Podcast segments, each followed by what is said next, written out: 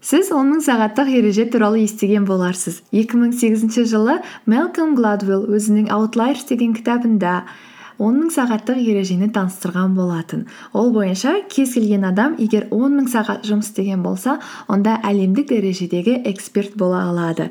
Яғни ол дегеніміз шамамен бір аптада қырық сағат жұмыс істесек бір жылда елу апта болса онда шамамен бес жылда кез келген салада барлығын білетін түбіне дейін түсіретін сарапшы бола аламыз. Бүгін біз осы теорияны талқылайтын боламыз. Сіздермен бірге тамаша жыл подкасты және мен талшын. Бұл жеке даму мотивация өмір жайлы толғаныстар қамтылатын қазақша аудиоблог. Бұл күн шуағымен жарыса оянып күнін жаңа идея мен қуанышпен бастағысы келетіндердің қоғамы. Өмір тамаша. бақытты болу бақытты болу ол біздің таңдауымыз. біздің таңдауымыз. Шоу жүргізушісі талшынды қарсы алыңыздар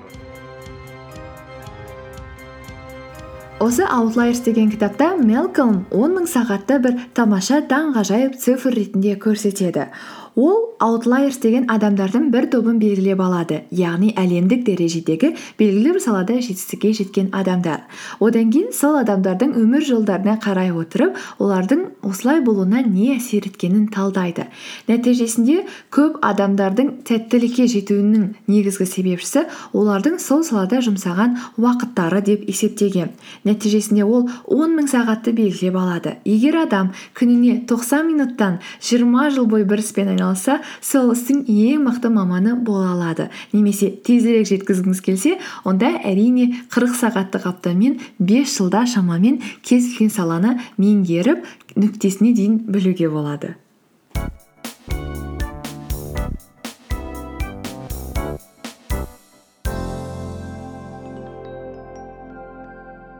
Бүгінгі эпизодта біз мэлколмның кітабында енгізген мысалдарды талдайтын боламыз. Яғни әлемдік дәрежедегі жеткен сарапшы эксперттердің он мың сағаттық ережені қолдана отырып өздерінің саласының мықты жетекшісі болу қалай қолдарынан келгендігін көреміз.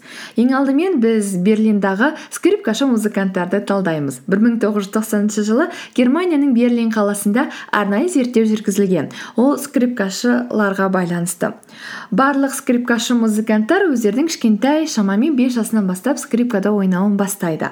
Сегіз жасына қарай алайда олардың скрипкада ойнау уақыттары өзгере бастайды. Ал жиырма жасына қарай элиталық скрипкашылар шамамен он мың сағат өздерін скрипкада ойнауға уақыттарын жұмсайды. Ал сәл пәл деңгейлері төмен музыкантшылар шамамен төрт мың сағат практика жасауы мүмкін. Сөйтіп уақыт өткен сайын олардың скрипкада ойнау уақыттарының айырмашылығы өте көбейе бастайды. Және элиталық музыканттар өздерінің уақытын екі есе көбейту арқылы өздерінің элиталық және әлемдік дәрежеде болу деңгейін ары қарай жалғастыра береді және өздерінің саласын одан сайын жоғарырақ тереңірек меңгере түседі.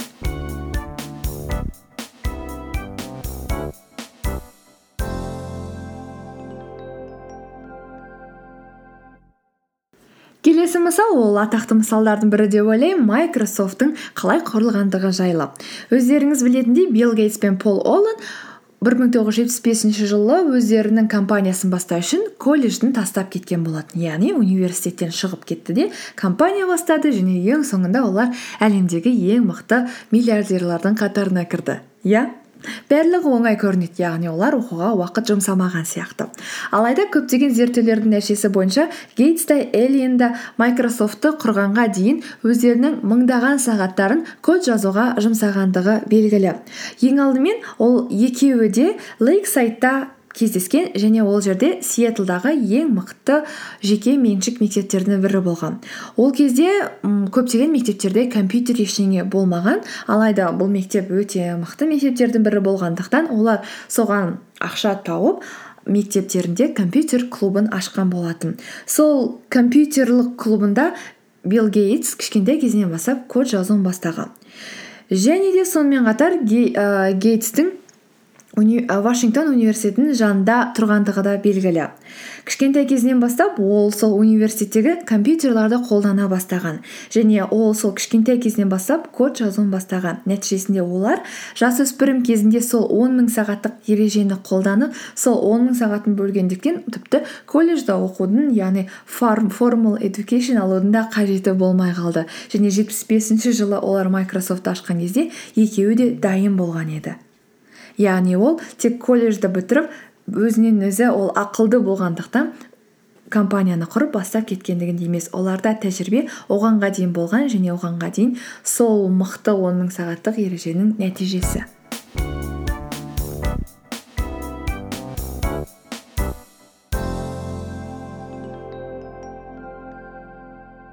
Келесі мысал бізді қайтадан атлант мұхиттың бер жағына қайтадан бізді германияға алып келеді.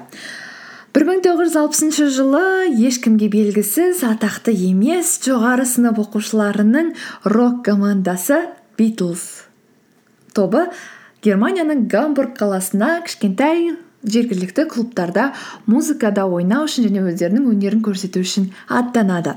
Алайда топқа көп ақша төленбейді және ол жердегі музыкалық құрылғылардың сапасы өте нашар болады а, тіпті аудитория оларды тыңдамады. Алайда битлстың гамбургтағы тәжірибесі қандай болды? Ол оларға гамбург не берді? Ең алдымен тоқтамастан ұзақ сағаттар бойы ойнау. Себебі осы ойнаудың арқасында, ғана олар өздерінің музыкалық ә, дағдыларын одан сайын дамыта түсті. Битлз ақырындап өздерінің ә, дағдыларын дамыту арқылы біртіндеп өздерінің саласының мықтысы бола бастады. 1962 жылға қарай олар бір түнде 8 сағат бойы музыка ойнаған. Ал ол дегеніміз аптасына жеті күн бойы күнде түнде 8 сағат. Ал 1964 жылына қарай битлз барлығы 1200 концерт қойған. 1200 концерт ол тіпті ойлауға келмейтін сандардың бірі деп те айтсақ болады. Кейде тіпті басқа топтар өздерінің барлық карьерасында 1200 концерт те қоя алмайды. Ал битлз сол уақыттың өзінде халықаралық аренада сол 1200 концертті қойып үлгерген. Яғни олардың сол жұлдыз болуына жолына қарайтын болсақ онда көптеген сағаттар апталар айлар жылдар бойы қойған концерттер мен музыкантта музыкада ойнағандарын көре аламыз.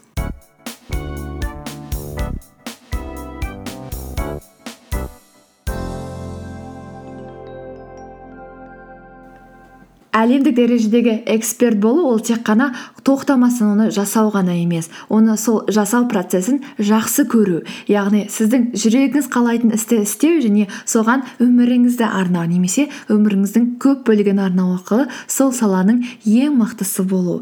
Бірақ бәлкім ең мықтысы болу ол басты мақсат та болмауы мүмкін. Және алдыңғыда айтып кеткендей сол саланы жақсы көру. Сіз соны жақсы көргендіктен күнде соны жасағыңыз келеді. Отырсаңыз да тұрсаңыз да сол туралы ойлануыңыз мүмкін. Және сіздің жүрегіңізге ол қуаныш пен бақыт сыйлайтындықтан сіз сол іспен айналыса бергіңіз келеді айналыса бергіңіз келеді.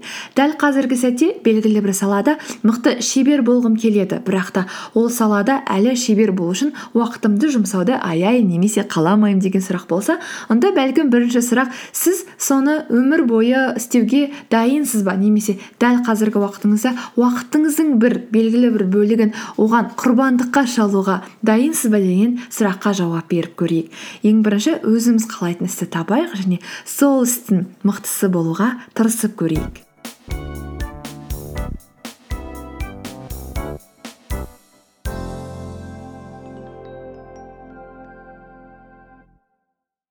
Әрине дәл осы жерде бұған қарсы материалдың да бар екендігін сізге айтып кеткенім жөн болар. Өйткені соңғы кезде көптеген психологиялық немесе жеке дамуға арналған кітаптарда азырақ уақытыңды жұмсап көбірек нәтижеге қол жеткізу туралы көп жазады және адамдарды соған шақырады. Мәселен пассивті табыс көздерін жасау және сіз демалып жатқан кезде ақшаңыз жүріп жатады деген сияқты. Статьялардың көп болып кеткенін өзіңіз де байқаған боларсыз. Және сондай жолдардың бірін көп жақтаушы ол тим феррис. Тим феррис ол төрт сағаттық апта және де төрт сағаттық а, төрт сағатта шеф болу деген сияқты кітаптарды жазған болатын. Ол бойынша саналы түрде белгілі бір іске өзіңіздің уақытыңызды жұмсасаңыз сол арқылы алты ай немесе алты айдан аз уақыттың ішінде кез келген саланың сарапшысы бола аласыз дейді. Және өзіңіз көріп кеткендей бес жыл мен алты айдың арасында қандай үлкен айырмашылық бар екендігін көресіз. Әрине он мың сағаттықта алты айлықта екеуі де дұрыс болар және де ол әрбір адамның жеке өзіне байланысты.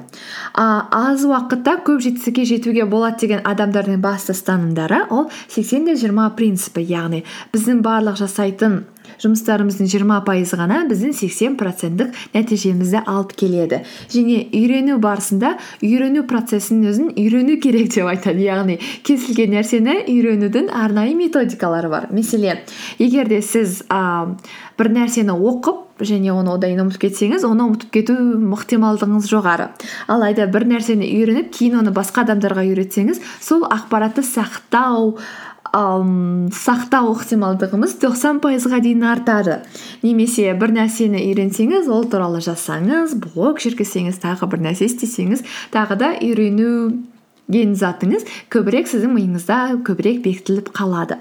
Сонымен қатар өзіңіз бірдеңені үйренсеңіз одан кейін біраз уақыттан кейін оны талдап өзіңіз жасаған прогресстерге анализ жасап қайтадан нені өзгерту керек екендігіне адаптация жасап отырсаңыз көбірек үйрену жолдары артады деген сияқты ұғымдар бар. Әрине бұл жаңағы соңғы теорияны жақтаушылардың пікірі және олардың тезірек үйреніп алудың методикалары да өте көп.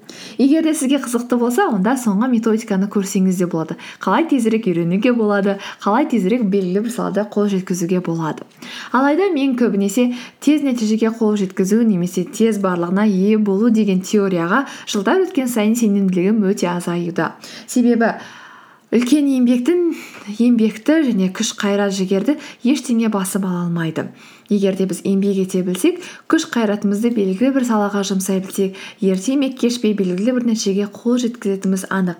Алайда ммм тиімділігімізді арттыратын белгілі бір методиканы қолдану арқылы үлкен еңбек еңбегімізге тағы да сәл пәл интеллидженс яғни ақыл білім арқылы басымыз санамыз арқылы ойланатын болсақ бәлкім тезірек нәтижеге қол жеткізетініміз де анық. Бірақ та тез арада бүгін дәл қазір жиырма минуттан кейін үйреніп аламын деген ол әрине өтірік сөз сондықтан өзіміз қалайтын затқа уақытымызды кейін бөлгенімізге өкінбейтін істе уақытымызды жұмсау күшімізді жұмсау арқылы белгілі бір саланың жетекші ең мықты маманы болу ол біздің қолымызда және сізге де.